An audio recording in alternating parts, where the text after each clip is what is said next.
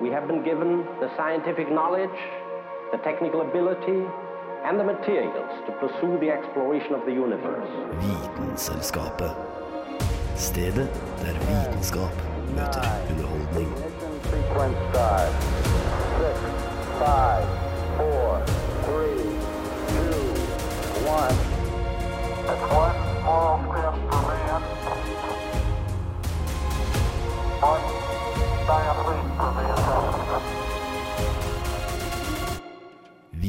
Vitenselskapet. På Radio Nova. På bussen, T-banen eller kanskje til og med i forelesningene dine, så er du omgitt av folk som hoster, snufser og kanskje nyser litt. Det er nok tiden på året hvor du også blir litt eh, nervøs for om du kanskje også kan bli syk. Jeg i hvert fall føler at alle rundt meg er syke om dagen, og da kan det jo være greit å få en liten oppfriskning i hvordan man skal passe på å i hvert fall holde seg ren. Det kan jo hjelpe litt mot uh, noen sykdommer. I tillegg så er det jo ganske vått og kaldt vær. Da blir det fort litt gjørme rundt seg som man tråkker med seg hjem. Det er også noe man må få eh, vasket opp i. Eller hva, Kristoffer?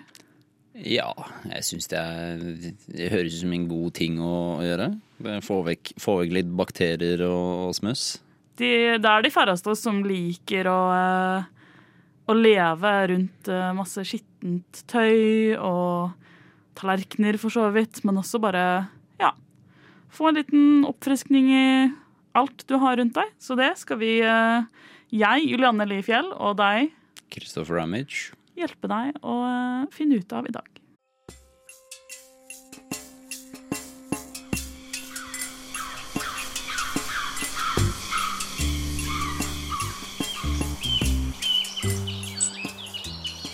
Du hører på Vitenselskapet på Radio Nova.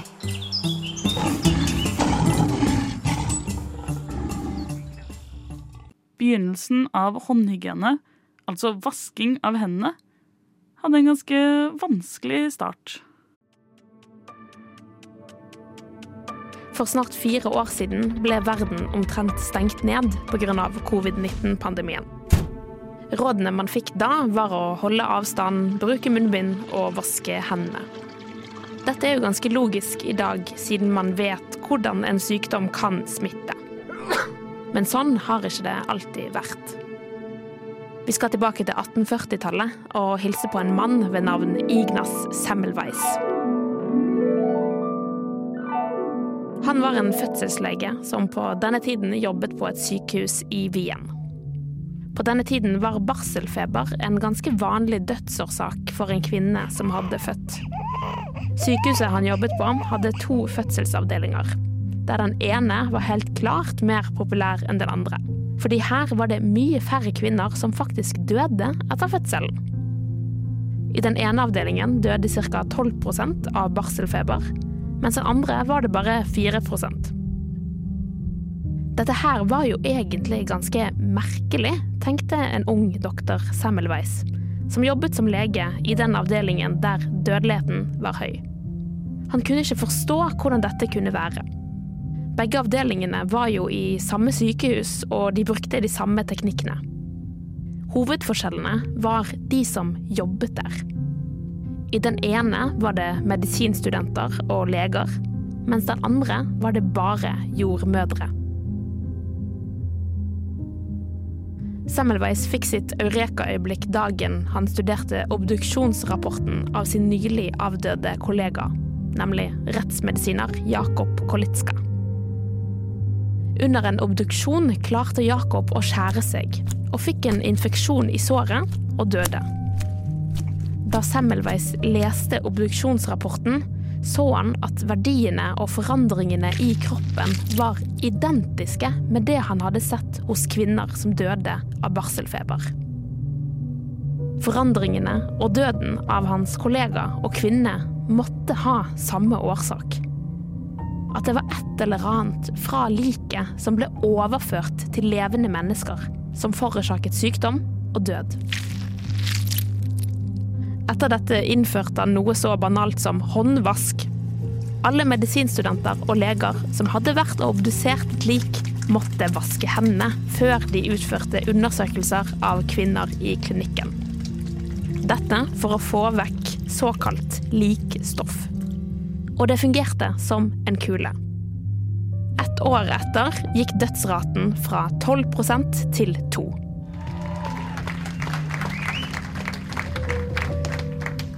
Overraskende nok møtte Semmelweis mye motstand da hans ideer om likstoff kunne forårsake sykdom, sto i strid med de etablerte tankene på denne tiden. Semmelweis klarte aldri å forklare hvorfor vasking av hender kunne redusere dødstallene. Og mange leger ble rett og slett fornærmet over at de måtte vaske hendene, og at tanken på at de selv kunne være årsaken for pasienters død, var utenkelig. Semmelweis sine observasjoner ble i ettertid akseptert noen år etter hans død, da Louis Pasteur bekreftet the germ theory, altså at infeksjoner er forårsaket av bakterier og andre mikroorganismer. Det må til i fortellingen av Semmelweis at han ikke var det beste til å formidle resultatene sine. Han sendte flere åpne brev til leger om at de var mordere fordi de ikke hørte på han. Han ble desperat og fortvilet. Det er også spekulasjoner om han kanskje led av Alzheimer og hadde psykoser mot hans død. Han kunne altså virke litt gal for hans kollegaer. Uansett gal eller ei, å vaske hender er meget etablert for å forebygge smittsomme sykdommer. Denne saken ble laget av Anna Vik Rødseth. Vitenselskapet. Vitenselskapet på Radio Nova.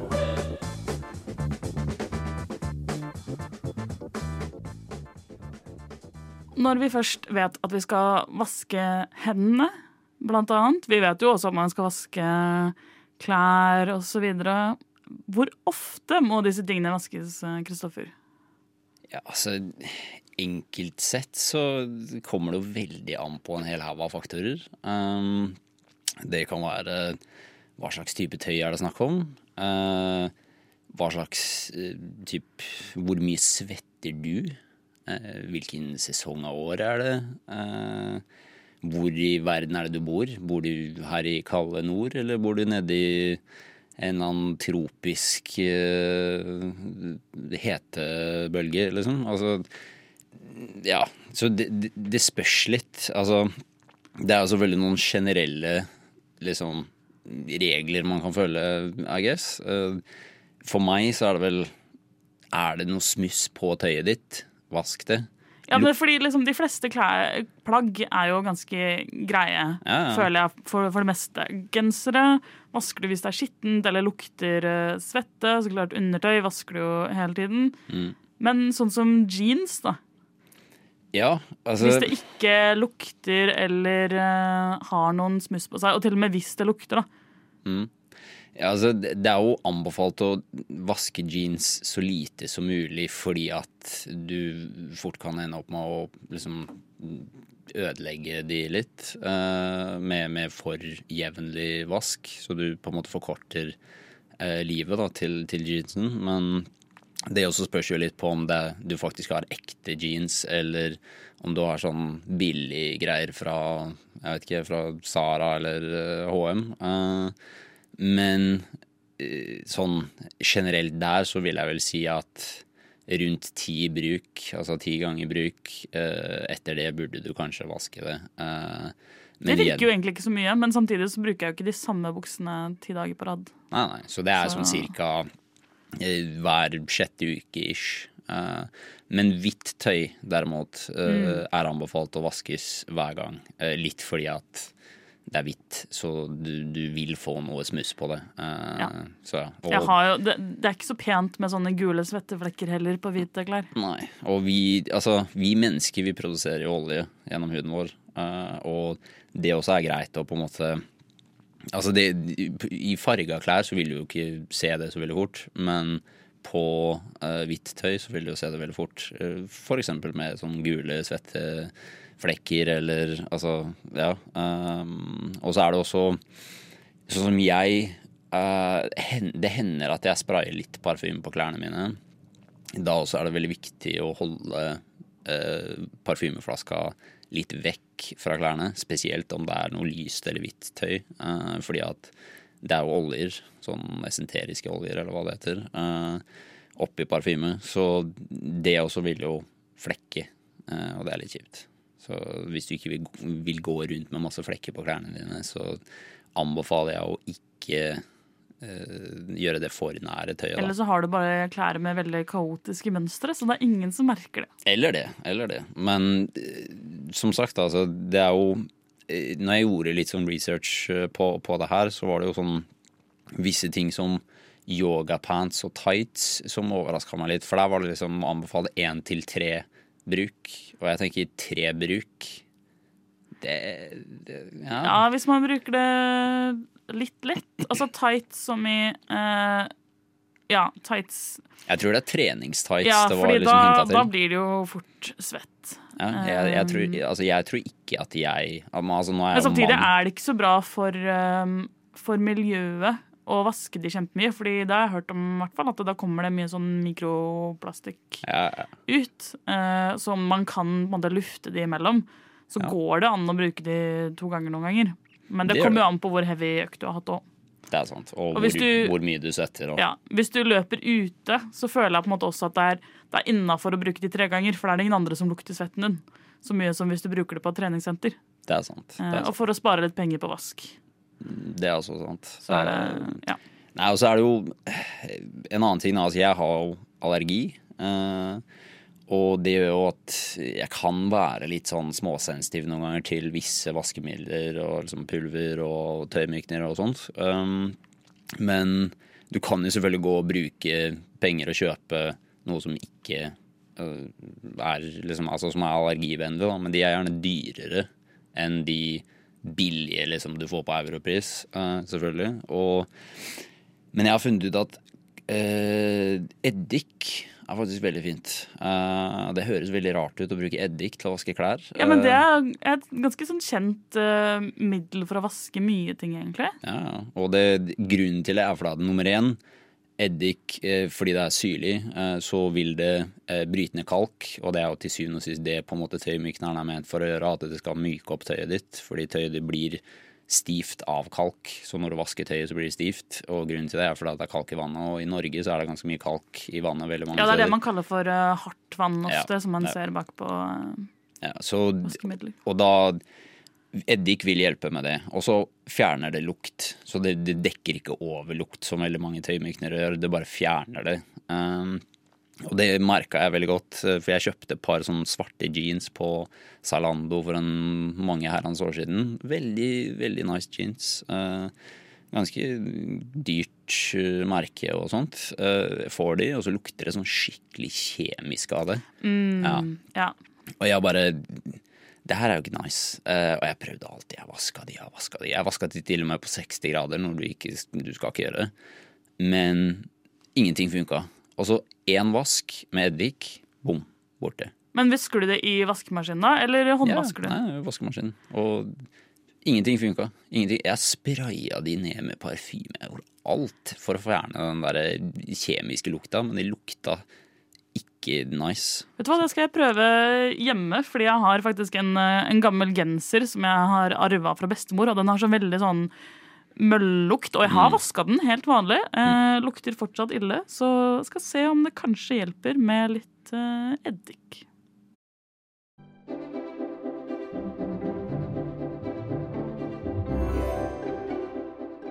Ja, du hører helt riktig. Du hører på Vitenselskapet på Radio Nova.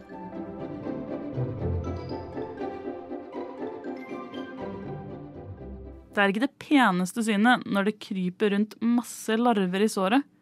Men kan det være nyttig? Du har kanskje sett i filmer eller i serier at en av hovedpersonene har skadet seg skikkelig.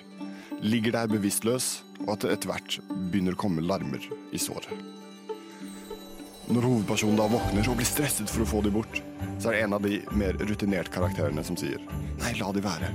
De renser såret. Personlig har jeg alltid vært nysgjerrig på om dette faktisk er tilfellet. La oss utforske historien bak denne praksisen, og hvordan den har utviklet seg. Det å benytte seg av larver er ingenting nytt. Historien til larveterapi kan spores helt tilbake til antikken, der ulike kulturer, bl.a. egyptere, romere og mayaene, benyttet seg av denne behandlingsmåten. Denne kunnskapen ble imidlertid glemt i ganske lang tid, før den ble gjenoppdaget og tatt i bruk på starten av 1900-tallet.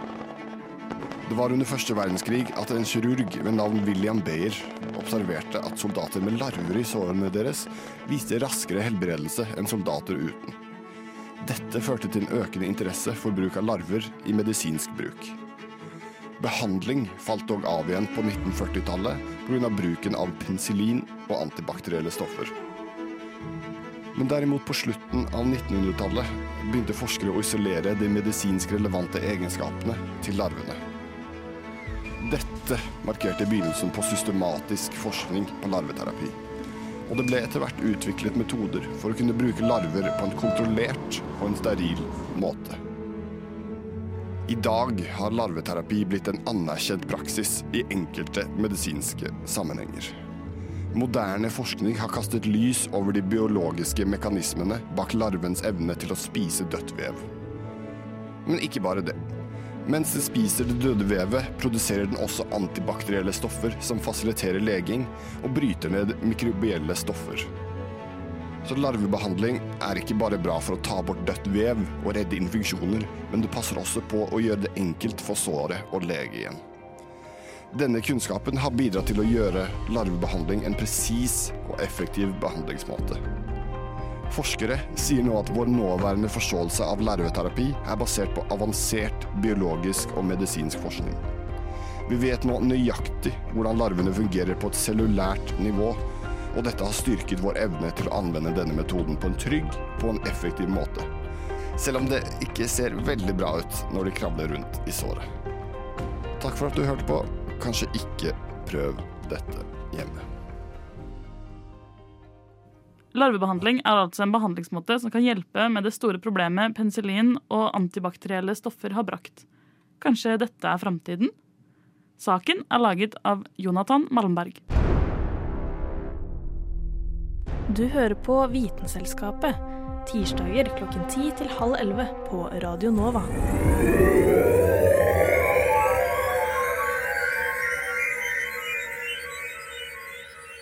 Men nå som vi faktisk vet litt om hvert fall eh, hvor ofte ting må rengjøres, så er jo det neste spørsmålet hvordan skal man gjøre rent? Ja. Eh, og ikke bare hva skal man bruke, altså eddik er jo greit det òg, men som du var litt inne på det, sånn hvorfor eddik? Hvorfor er det et sånn nesten TikTok-trend å bruke hva heter det på norsk? Eh, bakepulver er det vel? Ja. ja. Eh, hvorfor er det så fryktelig populært? Og det har jo alt med vasking basically har med pH å gjøre. Som er eh, konsentrasjonen av eh, hydrogen, eller egentlig av eh, omvendt konsentrasjon av hydrogen i eh, en syre eller base. Eller i et stoff, da, basically. Som gjør at hvis det har en veldig eh, lav pH-verdi, så blir det en syre, eller en veldig høy en, da blir det en base. Uh, for, å, for, å, forklare kjemien her veldig, veldig enkelt.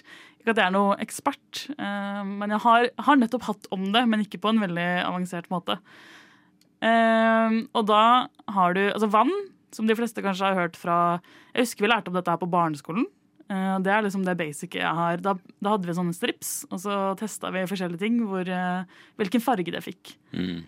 og vann skal jo være nøytralt, så det skal ha en pH på syv. Så denne skalaen går sånn cirka fra ja, 1 da, til 14. Men den er logaritmisk, som vil si at forskjellen på eh, 1 og 2 er da 10 ganger. Så det blir ti ganger så mye Så hvis du går basically fra 2 til 1, så blir det ti ganger mer syre. Eller sterkere syre, kan du si. Og mer basisk andre vann, liksom? Ja. Okay. Um, så det er jo ganske stort sprang, og de fleste Altså, er du borte på 13, så er du ganske høyt oppe. Um, nå husker jeg ikke helt noen spesifikke konsentrasjoner som jeg kan holdt på å si brief med. Uh, ikke nok til at jeg tør å si det konkret, i hvert fall på, på lufta. Det kan være at jeg husker feil. Men eh, basically så har du ting som eddik, er jo en syre. Så som du sier, så fjerner det en del av eh, Det reagerer jo på en måte med ting som kanskje er litt mer basisk, da. Og nøytraliserer det til en viss grad. Eh, fordi det er også da, hvis du har en noe som er, Hvis du setter på en måte en midtpunkt på syv, og så har du noe som er eh, sterkt syre og en sterk base, så kan det nøytralisere hverandre. Men hvis du f.eks. har noen som er en sterk syre og en svak base, så kommer du et sted i midten, men du har jo et ekstra produkt, da. Ja. Fordi de ikke helt jevner hverandre ut. I teorien, i hvert fall. Eh, mens eh, sånn bakepulver er vel litt mer basisk, hvis jeg husker riktig. Så det kan du jo bruke på eh, ofte på liksom ovnen og sånn, da. Hvis du skal ha bort fett og smuss. Eh, Så bruker du denne type ting. Ehm, og det, det er jo egentlig veldig gøy hvordan eh, Hvor mye kjemi det egentlig ligger i ting som du gjør til dagligdags med å bare, med å bare vaske eh, huset ditt. Og sånn som, det er jo en grunn til at eh, man blander ofte kanskje eh, sitronsyre i disse tingene. For det er også veldig syrlig, som navnet sier i seg selv. Og da kan det på en måte hjelpe til med å gjøre det enda litt sterkere. Samtidig som du får bort lukten, da, som du sier. Det blir en ganske sånn god Ikke bare nøytral, da, men veldig eh, god lukt av eh, hele greia. Ja, ja. Men altså, ja, fordi når det kommer til det å blande ting og sånn, så er det sånn Der også bør man jo være litt forsiktig, for at eh, spesielt når det, når det handler om klor. For klor er sånn type stoff som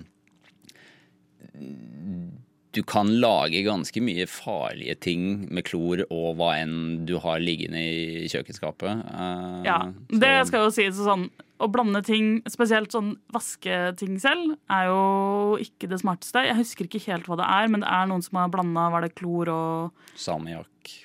Ja. Eh, ja, for det er jo også eh, lut, som det er mye av, som man Mm. bruker ofte til såpe. Eh, det, ja, det fort, blir fort liksom skumle ting av å blande sterke kjemikalier, i hvert fall. Mm. Og det kan fort få, eh, få noen kanskje uventede reaksjoner hvis du ikke er helt eh, kjent med kjemien bak det.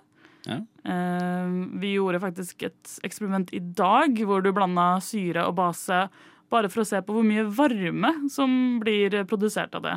Og det her var jo ikke sterke syrer og baser engang, men det ble jo, eh, ble jo relativt varmt da, i forhold til hva man kanskje skulle trodd. Ja. Eh, og det er jo fordi det her er en reaksjon, eh, og da er det jo noe som skjer, eh, som skaper energi, som kommer i form av varme. Typ, to vanlige ting som folk har hjemme nå i dag, spesielt etter korona, er jo antibac eh, og selvfølgelig klor. Vi har alltid brukt klor. Eh, men jeg vil ikke anbefale å mikse de to tingene, fordi da vil du lage noe som heter kloroform. Det er ikke like farlig som klorgass, men det er typ sånn alle sånne gamle filmer og sånt, så har de alltid sånn, sånn lite tøyklede, og så er det noe på den, og så tar de det over munnen på en annen, og så knocker de det ut. Sant? Det funker jo ikke like fort. Det, er Nei, det nei, funker nei. ikke like så fort som i filmene, men det er også egentlig veldig farlig. Det er det. Eh, og spesielt hvis du klarer å gjøre det på deg selv. Det tror jeg jeg har hørt om folk som har klart å lage med uhell. Og da må du evakuere eh, bygget ditt, og du må få noen inn til å bare eh, lufte det ut, basically. Ja, uten tvil. Det er, eh, altså, spesielt i gassform så er det veldig potent. Eh, så hvis du lager en, en kloroformgass og på en måte fyller opp et rom som ikke er ventilert nok med det, så vil du mest sannsynlig bli knocka ut og kan havne i koma og rett og slett dø. Hvis det er veldig uheldig.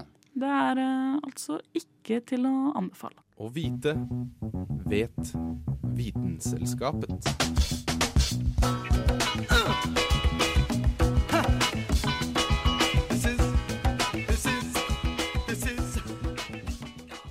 Vanlige flaskehalser er som regel en god ting. Man trenger mindre kork for å holde flaska tett. Og ikke minst blir det lettere å holde fra. Når vi snakker om flaskehalser i overført betydning, derimot, er det som regel ikke like positivt. En flaskehals i trafikken er f.eks. noe av det mest irriterende som finnes. Den kjipeste flaskehalsen som finnes, må allikevel være den biologiske flaskehalsen. hvor det handler om liv eller død. Tenk deg om vi plutselig ble ramma av en katastrofe så stor at den nesten utsletter hele menneskeheten.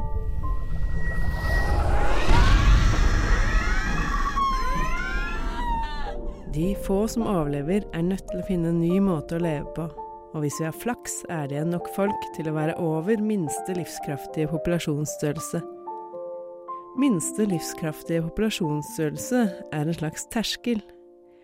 Det betyr at hvis de over et visst antall kan de overlevende sakte, men sikkert bygge opp nye samfunn og øke antallet mennesker til de er på et nivå hvor de ikke lenger er utrydningstrua.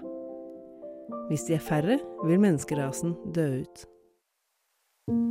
Hendelser som truer en art på denne måten, kalles flaskehalshendelser, eller biologisk flaskehals. Fordi selv om arten overlever, vil den genetiske sammensetningen i befolkningen være endra for alltid. Det genetiske materialet til individene som dør, vil være tapt, mens genene til de som overlever, føres videre. Noen ganger kan det være ganske tilfeldig hvilke gener som overlever. Det kan jo hende at de som ikke døde, bare var på rett sted til rett tid. Andre ganger kan de som overlever, ha gener som ga dem et fortrinn, f.eks. For motstandsdyktighet mot en grusom sykdom. I dagens europeiske befolkning er det f.eks. en høyere forekomst av et gen som gjør oss mindre utsatt for byllepest, fordi mange stammer fra forfedre som overlevde svartedauden. Når en art blir utsatt for en biologisk flaskehals, forsvinner mye av artens genetiske mangfold som gjør at hele arten blir mer sårbar mot ulike typer sykdommer og andre ting. Noen ganger blir det rett og slett innavl. Ikke spesielt bra, med andre ord. Men flaskehalser er ikke så veldig uvanlig, og vi mennesker må nok ta på oss en del av skylda. Selv om noen flaskehalser skjer pga. naturkatastrofer, dreper vi eller ødelegger leveforholdene for så mange dyr, insekter og planter at arter utryddes eller blir utrydningstrua. Europeisk bison ble f.eks. nesten utrydda på begynnelsen av 1900-tallet. Og de som lever nå, stammer alle fra tolv individer. Dette har gjort at det genetiske materialet i bestanden er så lavt at de sliter med fruktbarheten. Det er allikevel ingenting sammenligna med mangareflueskvetten fra New Zealand. Denne lille fuglen hadde lenge levd og utvikla seg uten naturlige rovdyr. Og da nye arter som katter og rotter ble introdusert til leveområdene deres, ble nesten alle borte. Det finnes bare rundt 300 slike fugler i dag, som ikke virker så mye. Men siden 1980-tallet har de hatt en voldsom opphenting. Alle mangareflueskvetter som lever i dag, stammer nemlig fra én en eneste hunnfugl som het Old Blue, og som takket være en biologisk flaskehals virkelig kan kalles alle mangareflueskvetters bestemor. Slik selektiv avl har f.eks. gjort at mange hunderaser sliter med medfødte sykdommer og genfeil. Hun som hadde laget denne saken, heter Kristin Grydland.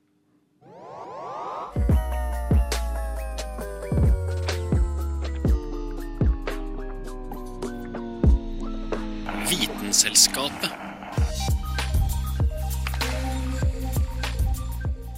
Da håper jeg du har klart å lære litt mer om hvordan du skal holde deg ren før, uh, før jula kommer òg. Ja. Det, jeg tror bestemor blir litt sur hvis det kommer mørket etter middagsbordet. Ja, du vet i hvert fall hvordan du skal lukte godt òg. Ja. Ikke bare Det hjelper jo det òg, selv om du ser ren ut, så kan det være enda verre hvis du ikke lukter helt. Og du kan ikke alltid bare stole på parfymen hvis du blander det med noe dårlig lukt. Det er sant. Og så har du forhåpentligvis også lært at du ikke skal blande klor med f.eks. salmiakk eller eh, antibac.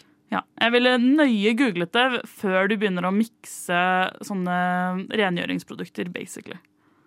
Men eh, hvis du vil lære mer om kanskje ikke hvordan du gjør rent, men eh, all slags ting, så får du høre på Vitenselskapet igjen neste tirsdag på Radio Nova klokka ti Eller så kan du høre på oss på podkast, hvor enn du hører på podkaster. Du Du Du hø hø hører På på Radio Nova.